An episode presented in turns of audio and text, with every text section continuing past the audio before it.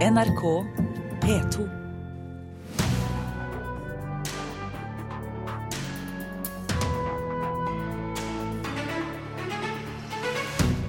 Kunstner hyller drapsdømte Fredrik Fasting Torgersen med et portrett i bronse, og vil at bysten skal plasseres i Høyesterett. Nettstedet Bussit driver stofftyveri helt uten sidestykke i Norge, sier generalsekretæren i Presseforbundet. Alkoholprodusent har sikret seg rettigheten til å selge sprit med Edvard Munchs 'Skrik' på etiketten. Velkommen til Kulturnytt i Nyhetsmorgen i NRK, hvor vi også anmelder kunst om stillhet og omtaler en ny bok om nettgiganten Google, som lover å avsløre hemmeligheten bak suksessen. På eget initiativ har kunstner Asbjørn Høglund laget en bronsebyste av Fredrik Fasting Torgersen, som ble dømt for drap i 1958. Kunstneren er én av dem som mener Torgersen ble utsatt for et justismord. I all hemmelighet har han utformet bronsehodet foran Fredrik Fasting Torgersen 80-årsdag denne uken. Det er rotete her, da. Det vel. Billedhoggeren Asbjørn Høglund viser vei inn på verkstedet der han i lang tid har jobba med et hemmelig prosjekt. Fredrik Fasting Torgersen, han, eh, han fortjener å komme i bronse. Ei byste av straffedømte Fredrik Fasting Torgersen, som fyller 80 år på onsdag. Høglund vil heidre Torgersen, som han mener er uten skyld og offer for et justismord. Hva, hva, kan en, hva kan en bileduger gjøre? Det må jo være å, å gjøre det, da. Så har jeg gjort det. Jeg syns at han har en sånn eh, bedrøvelig skjebne fått av det norske samfunnet.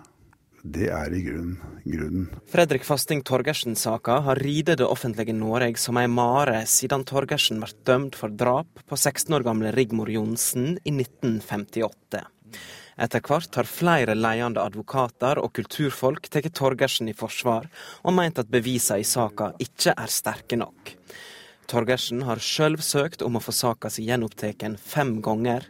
Hver gang har han fått avslag.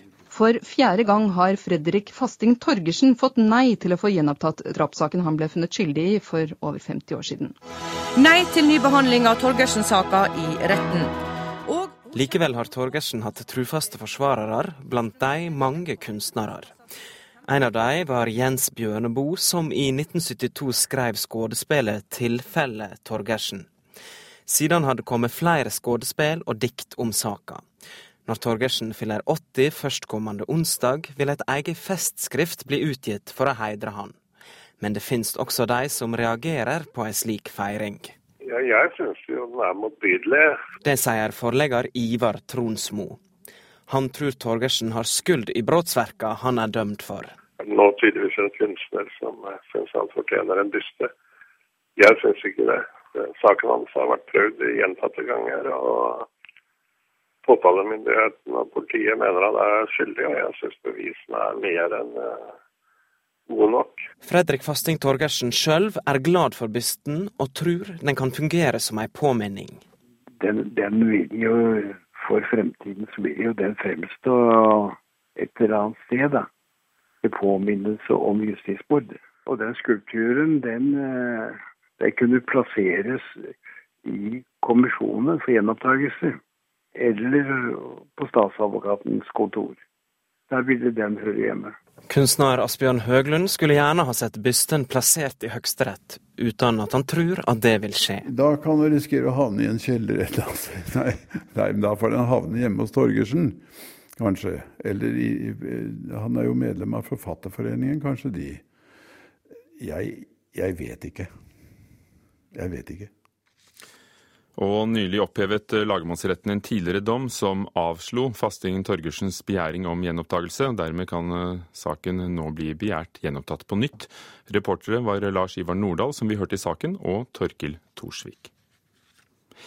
Nyhetsnettstedet Bussit begår stofftyveri fra andre, skriver Aftenposten i dag. I en gjennomgang avisen har gjort av journalistikken på nettsiden, som på kort tid har blitt en av Norges mest populære, viser det seg at mange saker er direkte oversatt fra utenlandske nettsteder, særlig Huffington Post og Cosmopolitan. Helt uholdbart, mener generalsekretær i Norsk Presseforbund, Kjersti Løken Stavrum. Jeg vil si det er helt unikt i den norske medieverdenen. Det er ingen som driver sånn som BuzzFeed gjør. Sier generalsekretær i Norsk Presseforbund Kjersti Løken Stavrum om Aftenpostens avsløringer rundt nettstedet bussit.no. Ifølge avisa har Bussit gjengitt en rekke saker fra utenlandske kilder som The Guardian, Huffington Post og Cosmopolitan, uten å ha avtale om det. Det er eh, kopiering av andres innhold, og det er stofftyveri. Hovedbildet her er at det produseres mye journalistikk på bussit.no som, som, er lagd innenfor det som er rimelig grensen av sitatrett. Sier Anders Oppdal, som er sjefredaktør i avisa Nordlys, som eier og driver bussit.no. Nettstedet, som ble lansert i sommer, fanger opp trender fra sosiale medier og lager journalistiske saker ut fra dem. Men det skal ikke stjele stoff, understreker Oppdal. Altså Har vi gjort noe gærent, og uh, i dette tilfellet her så har jo Aftenposten kommet frem med noen eksempler hvor vi absolutt har opptrådt, kritikkverdig, så, så, så skal vi sørge for at ikke det skjer igjen. Og reportere her, Petter Sommer.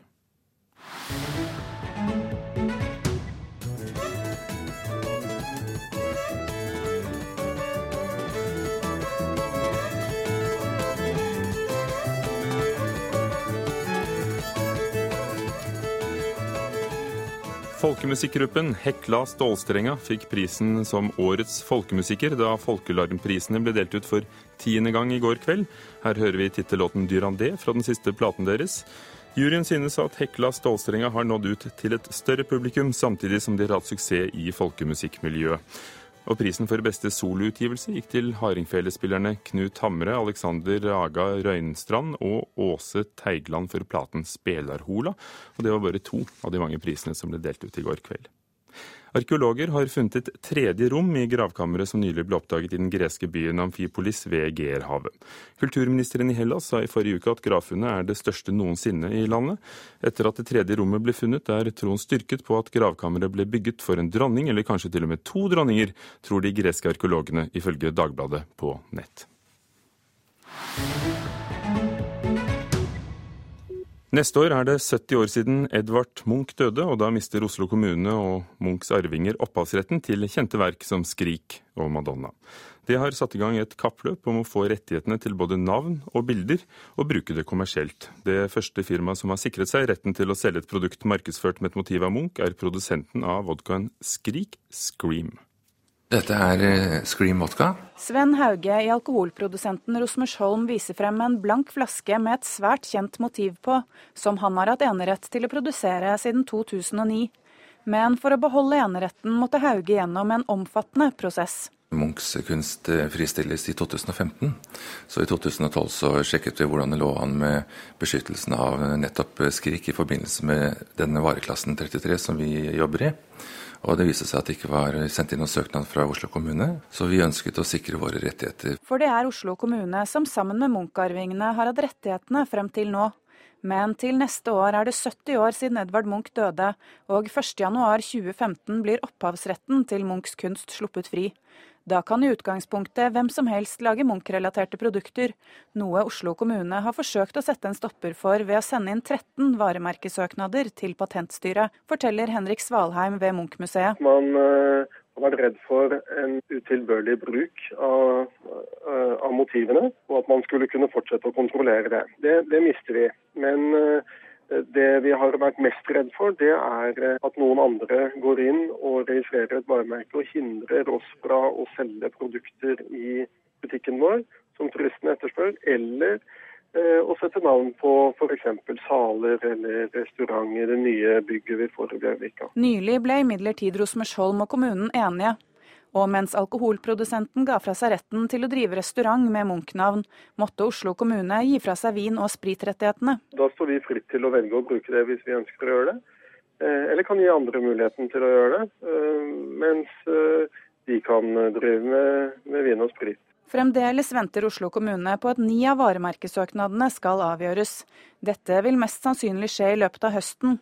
For ankefristen i en tilsvarende sak om Gustav Vigelands verker går ut i begynnelsen av oktober, ifølge Knut Andreas Bostad i Patentstyret. Det er noen tilsvarende saker som uh, gjelder Vigeland, som da, har bedre prioritet. Så vi skal først få avklart det rettslige spørsmålet rundt kunst som varemerker, før man eventuelt vurderer disse Munch-bildene som varemerker.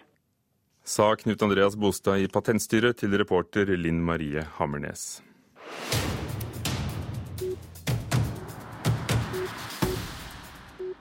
I boken How Google Works, hvordan Google fungerer, skriver to tidligere toppsjefer i det som er et av verdens største dataselskap, Erik Schmidt og Jonathan Rosenberg, om oppbyggingen av nettgiganten.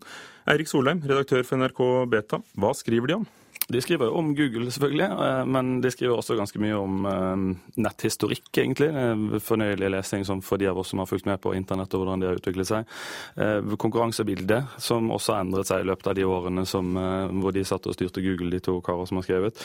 En del om metodikken i Google og, og fagfunksjoner og forskjellig. Så det er en grei oversikt over et stort selskap, men også en grei oversikt over netthistorien i en periode. De fleste er borte i Google så å si daglig, enten ved å søke på nettet, på kartet. Kan du si litt mer om hvilken posisjon selskapet har skaffet seg? Eh, den er jo gigantisk. Og det er jo sånn at vi eh, som jobber med dette her kan eh, titte på noen av disse største selskapene og tenke at de, de kommer aldri til å dø. Nå har de blitt så store at og, og, Google har blitt et verb å google. Da har du satt deg godt til rette, for å si det sånn. Så de er veldig viktige, verd ca. 400 milliarder dollar, så et gigantselskap. Og med undertittelen 'Reglene for å lykkes i internettets århundre', da på engelsk og amerikansk engelsk, og det høres ordentlig pompøst ut, så antyder de vel noe om hva hemmeligheten er for å komme dit? Ja, det gjør de. Og det er jo en herlig amerikansk tittel å si at hvis du leser denne boken, så har du løsningen. Og da kan du også lage et selskap som blir verdt 400 milliarder dollar om en liten stund. Det er nok ikke så enkelt, men det antyder jo. Og eh, det det er en del ting som vi har lest om før, men som er fint å kunne få fra de sjefene og se at de har faktisk gjennomført dette med at du må tenke stort. Og det har jo mange managementfolk rundt sagt lenge, men de har også da konkrete eksempler på hvordan Google tenker stort. Eh, feile fort. Hvis du feiler, så må du legge ting fra deg og begynne på nytt igjen så fort du kan. Eh, Google er kjent for å være ganske ingeniørstyrt, så teknologene har hatt ganske mye å si i det selskapet. Og frihet under ansvar som, som de har kunnet gi et sånt selskap fordi at de har ansatt folk som som tåler frihet under ansvar og leverer likevel. Og det med å ta risiko. Og så har de et begrep som de kaller for smart creatives. altså egentlig ingeniører som tenker både med høyre og venstre gjeldende, som ikke er supernerder, men som er i stand til å se litt analytisk på eh, businessbildet, og også kreativt på løsninger. En bok om ledelse eller om internett? Eh, om begge deler, vil jeg si. Det, det, er absolutt en bok om ledelse, fordi at det er ledelse av et veldig spesielt selskap i en litt spesiell tid. Eh, men også fascinerende hvis du bare er litt interessert i nett. For det, det, er mye der som handler litt om hvordan nett har utviklet seg. Eh, de er jo ikke lenger i de stillingene de var lenger, forfatterne Erik Schmidt og Jonathan Rosenberg, men de er stadig involvert i selskapet. Neppe en kritisk bok om Google? Nei, og det er noe av det som jeg har å utsette. da. Ehm, det er at de tar ikke opp noe som helst kontrovers på noe ordentlig vis. Der er et par historier opp igjennom eh, som, som jeg syns de kunne tatt for seg. Wikileaks og dokumentene der fra han eh, Julian Assange og hva de snakket om og hva Google gjorde i forhold til det. Google i Kina er en historie som de, de tar veldig, veldig lett på, egentlig. Så det er en på mange måter en ukritisk bok, som er vel ikke annet å forvente når det er to toppsjefer som fremdeles er ganske tungt involvert i selskapet. Ehm, men interessant likevel, fordi at du får et innblikk i en del av disse tingene. Og du får satt det litt i perspektiv. Noen av de tankene som Når du får beskrevet det fra disse sjefene, så ser du hvor store tankene egentlig var. Når uh, gründerne Sergey Brin og Larry Page satte seg ned og fant ut at nei, la oss lese hele internett og indeksere det. Det er en ganske stor tanke. og når de laget Google Street View og liksom Nei, vi skal ta bilder av alle gatene i hele verden. Det er jo faktisk ja, veldig, veldig veldig store tanker, og så har de gått ut og, og gjort det. Um, og det å få litt av historikken og de nøyaktige sitatene bak hva som ble sagt da de kom på disse ideene, og sånn, er interessant uansett. En av påstandene med internett er jo at forbrukerne har fått uh, mer makt i forhold til de store selskapene, men viser ikke Google også at selskapene har fått en enorm makt som jo, det er nettopp det, når det, langt inn i livene ja. våre? Um, vi har fått mer makt som forbrukere fordi at vi har fått uh, publiseringsmuligheter alle sammen. Det er ikke bare bare oss her i NRK som kan gå ut og si ting lenger. Er ikke, mediebransjen har ikke monopol på det. Så Sånn sett så har vi som forbrukere fått makt, for vi kan gå ut og, og få sagt ting uten å gå via mediehus. Men samtidig så er det absolutt en diskusjon at Google med alt de vet om oss, Facebook med alt de vet om oss, de begynner også å få veldig mye makt. Så det er en herlig sånn blanding av eh, overvåkningssamfunnet og et samfunn hvor vi som forbrukere har makt. Takk skal du ha, Eirik Solheim, som har eh, sett på How Google Works, den nye boken for oss i Kulturnytt. Klokken er allerede 18 minutter over åtte dører på Nyhetsmorgen i NRK med følgende overskrifter i dag. Petroleumstilsynet frykter at oljebransjen kutter så mange stillinger at det kan føre til en stor ulykke. De store bankene kommer til å kutte rentene når som helst, mener flere eksperter. I Hongkong er det kaotisk, også i natt har det vært kamper mellom demonstranter og politi. Og det er som å finne et nytt Osebergskip, sier redaktøren for Flatøyboka. Et stort norrønt sagaverk som kommer på norsk for første gang. Lyd og høyt støynivå plager mange i hverdagen, men hvor finner mennesker roen i hektiske byer og i en hektisk hverdag? Det er tematikken for en ny utstilling på Galleri F15 i Moss, og vår kunstkritiker Mona Palle Bjerke, du har sett den. Hvordan lage kunst av stillhet? Ja, for i, På F15 så er jo et verk som står veldig sentralt i utstillingen, det er en performance som er lagd av kunstneren Nina Backman, som også er utstillingens kurator. Her er det et bord dekket midt i gallerilokalet eh, til omtrent 25 mennesker, og på lørdag så inntok da gjester, inviterte gjester fra kunstlivet inn- og utland, eh, et måltid i fullstendig stillhet. Dette er jo inspirert selvfølgelig av John Cage, den store eksperimentelle komponisten, amerikanske komponisten, som også bl.a. lagde komposisjoner helt uten lydnotasjoner, og viste det samme som denne performancen viser, at den iscenesatte stillheten alltid vil være full av lyd. Hmm. Eh, Mona Palle Bjerke, før vi snakker mer om utstillingen. Hva er det som gjør at akkurat denne fortjener oppmerksomhet? Altså For det første er Galleriet 15 en av de eldste og mest respekterte visningssteder for samtidskunst eh, vi har. og Derfor så følger vi nøye med på hva de gjør der ute. Eh, men i tillegg så syns jeg jo dette var en veldig spennende tematikk. En veldig viktig tematikk i dag. For som du sier, det er veldig mange som opplever at stillheten er en mangelvare, og at dette er noe vi lengter etter i hverdagen. Og så syns jeg det var en liksom krevende eh, tematikk for en utstilling, og var interessert i hvordan de hadde klart å løse dette. Så hvilke kunstnere har de funnet? Ja, Dette er jo en håndfull eh, nordiske kunstnere. Blant annet Mia Hamari har skapt en fantastisk treskulptur som jeg gjorde et utslettelig inntrykk på meg.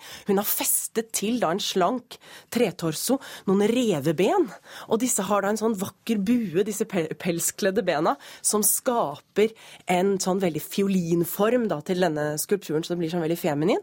Og så I tillegg har den da et lite lubbent ansikt, et eh, barneansikt som er fordreid av smerte og sorg. Og her er det så veldig mange ting, eh, kombinasjonen av det dyriske, det kvinnelige og det barnslige, som gir et veldig ubehag, og som kanskje gjør at vi assosierer dette med barnet som er brakt inn i en sfære der det ikke skal være. Så hele skulpturen er som et taust, tilbaketrengt skrik. Kunstner Lene Berg har derimot filmet en kvinne som får barbert vekk kjønnshåret. Hvor eh, kommer stillheten inn her? Ja, dette er et veldig stille uh, verk, med en sånn edel enkelhet i det intime toalett. Dette er jo en gjenskapning av en avantgarde-film skapt av de verdensberømte dadaistene Man Ray og Marcel Duchamp på 20-tallet. Denne filmen er jo gått tapt. Men jeg opplever også at uh, i tillegg til at det er en, en måte, feiring av den filmen som en gang fantes, at det er en feiring av kvinnekroppens mest skambelagte del. Uh, dette avspeiles jo i språket. Vi snakker om skamlepper, skambehåring og skamben. Og på en måte så henter hun i denne litt sånn stillferdige, meditative handlingen ut kvinnekroppen av skammekroken, slik jeg opplever det. Så det er en veldig flott, et flott verk. Det er jo også flere verk, og, og, vil du si i det store og det hele at kunstnerne klarer å, å gripe stillhet som tema? Ja, det, det, dette er blitt en veldig bra eh, utstilling om stillhet fordi at den både eh, tematiserer stillhet gjennom utvalgte arbeider, samtidig som utstillingen selv er en veldig sterk, intens, eh, nesten trykkende stillhetsopplevelse, eller bærer på en sånn stillhetsopplevelse. Og så, jeg syns denne utstillingen, eh, som man ganske sjelden opplever, er et, som et kunstverk i sin egen rett. Så man merker at det er en kunstner som er kuratoren for uh, utstillingen. Så dette er en utstilling jeg håper uh, mange får uh, med seg. Takk skal du ha, Mona Pale Bjerke. Og Samtidig viser også Galleriet 15 på Jeløya utenfor Moss en utstilling med en kobling mellom den amerikanske kunstneren Paul McCarthy og norske Lotte, Lotte Konovlund. Og dette er altså noe man kan få med seg i tillegg til Silent Project frem til 23.11. til Galleriet 15 utenfor Moss.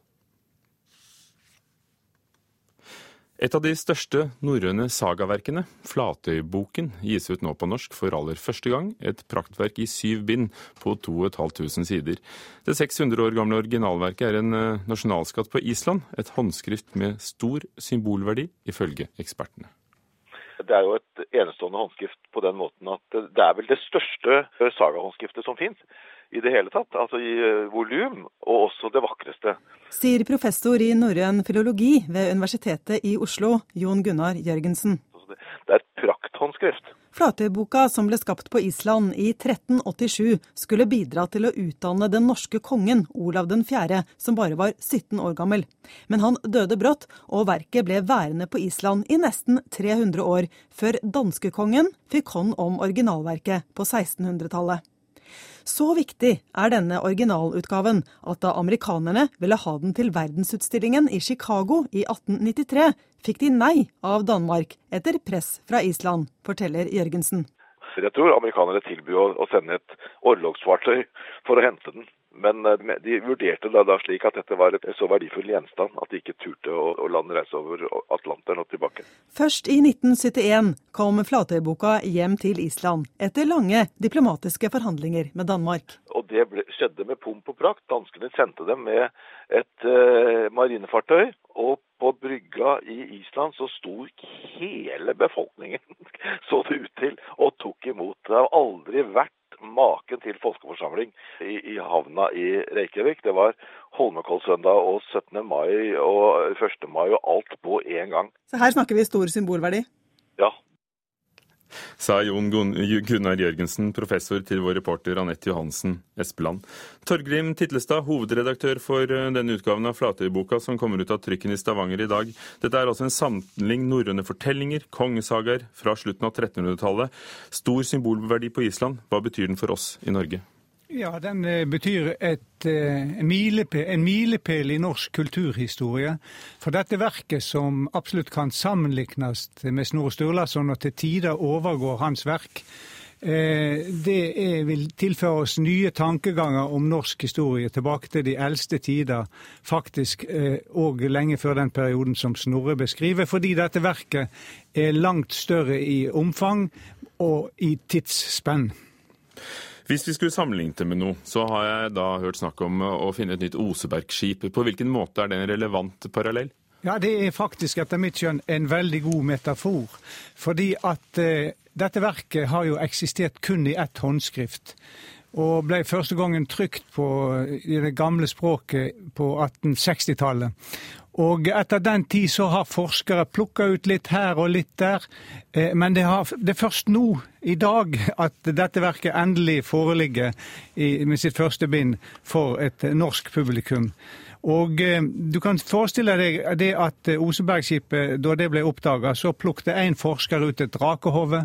En putte fram et en slede, en annen fant noen beinrester. og eh, Sånn har det i grunnen vært at eh, dette Osebergskipet, altså Flatøybukk, finnes stykkevis og delt. Men det er så å si ingenting om den store helheten som forfatterne av dette verket hadde framfor seg da de laga verket. Og det er den men, men, helheten vi skal få kjennskap til. Kan du, Tittestad, som uh, selv historiker, ja. forklare hvorfor det ikke har skjedd før nå?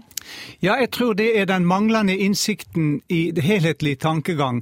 Og fordi de første som skrev om flateboka på 1800-tallet, Torfeus skrev om dette på 1700-tallet, men de som kom da etter skal vi si, sagavitenskapen begynte å bli mer voksen, de så på dette som en samling av Eh, tilfeldige dokumenter i hytt og pine. De skjønte ikke den sammenhengen som verket var skapt i.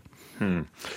Kong Harald skriver i forordet at det ikke finnes noe annet verk som er så, så inngående i sin fortelling av, av kulturarven i, eh, i, Norden og Skandinavia. Vil du si at Flatøyboken er like viktig som Snorre? Ja, det tror jeg. Altså, det, er veldig, det er vel egentlig umulig å stille de opp mot hverandre. Men denne forsømmelsen, at det ikke har blitt oversatt i helhet før, det vil nok gjøre at mange vil ha kanskje større glede av Flatøybok enn de har av Snorre Sturlason. Fordi at det er så detaljrikt, og det er en ny historisk situasjon. Da, eh, da Snurre skrev sitt verk, var det jo mer eller mindre på et slags oppdrag fra Norge.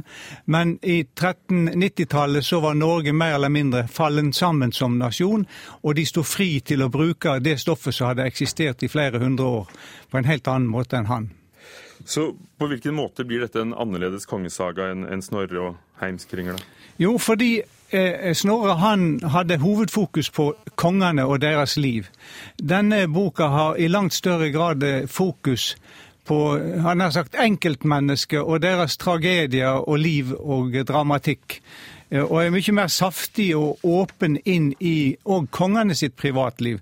Så det er veldig enestående. Og, og så er det et veldig sammenbindende verk for Skandinavia. Det er jo ikke tilfeldig at den islandske presidenten, eh, dronning Margrethe og kong Harald skriver forord, for de har forstått betydningen av dette verket for Skandinavia. Flatøyboken skulle altså være en slags utdannelse for den 17 år gamle unge norske kong Olav. Eh, hva var det han ville hva var det de ville gi ham? Ja, For det første vil de fokusere på at han måtte ha sitt søkelys på Norge og Island og de norrøne områder. Det var viktig for dem. Og så er det kongefilosofien. Altså, De mener det at en konge som er styrt av Guds ord, for å si det på deres måte, og i samband med tinget, han vil kunne lage et langt på vei harmonisk samfunn. Og Dette kan man òg lese som en indirekte kritikk av føydalveldet i Sør-Europa. Men det skal vi komme tilbake til. Flateboka kommer altså fra trykkeriet i dag dag. Den blir lansert i slutten av oktober. Hva skjer i dag, Torgrim Titlestad? Ja, I dag kom De kongelige forord ut i trykk, og vi har valgt et norsk trykkeri. fordi vi tar ikke risikoen på et så skal vi si, designa verk i farger og i, i, i, prakt. Det er på nytt gitt ut som et praktverk som Flatøyboka var i sin original, og da må vi ha et trykkeri vi kan være på. Takk skal du ha, Torgrim Titlestad. Takk selv. Ha det godt. Ha det.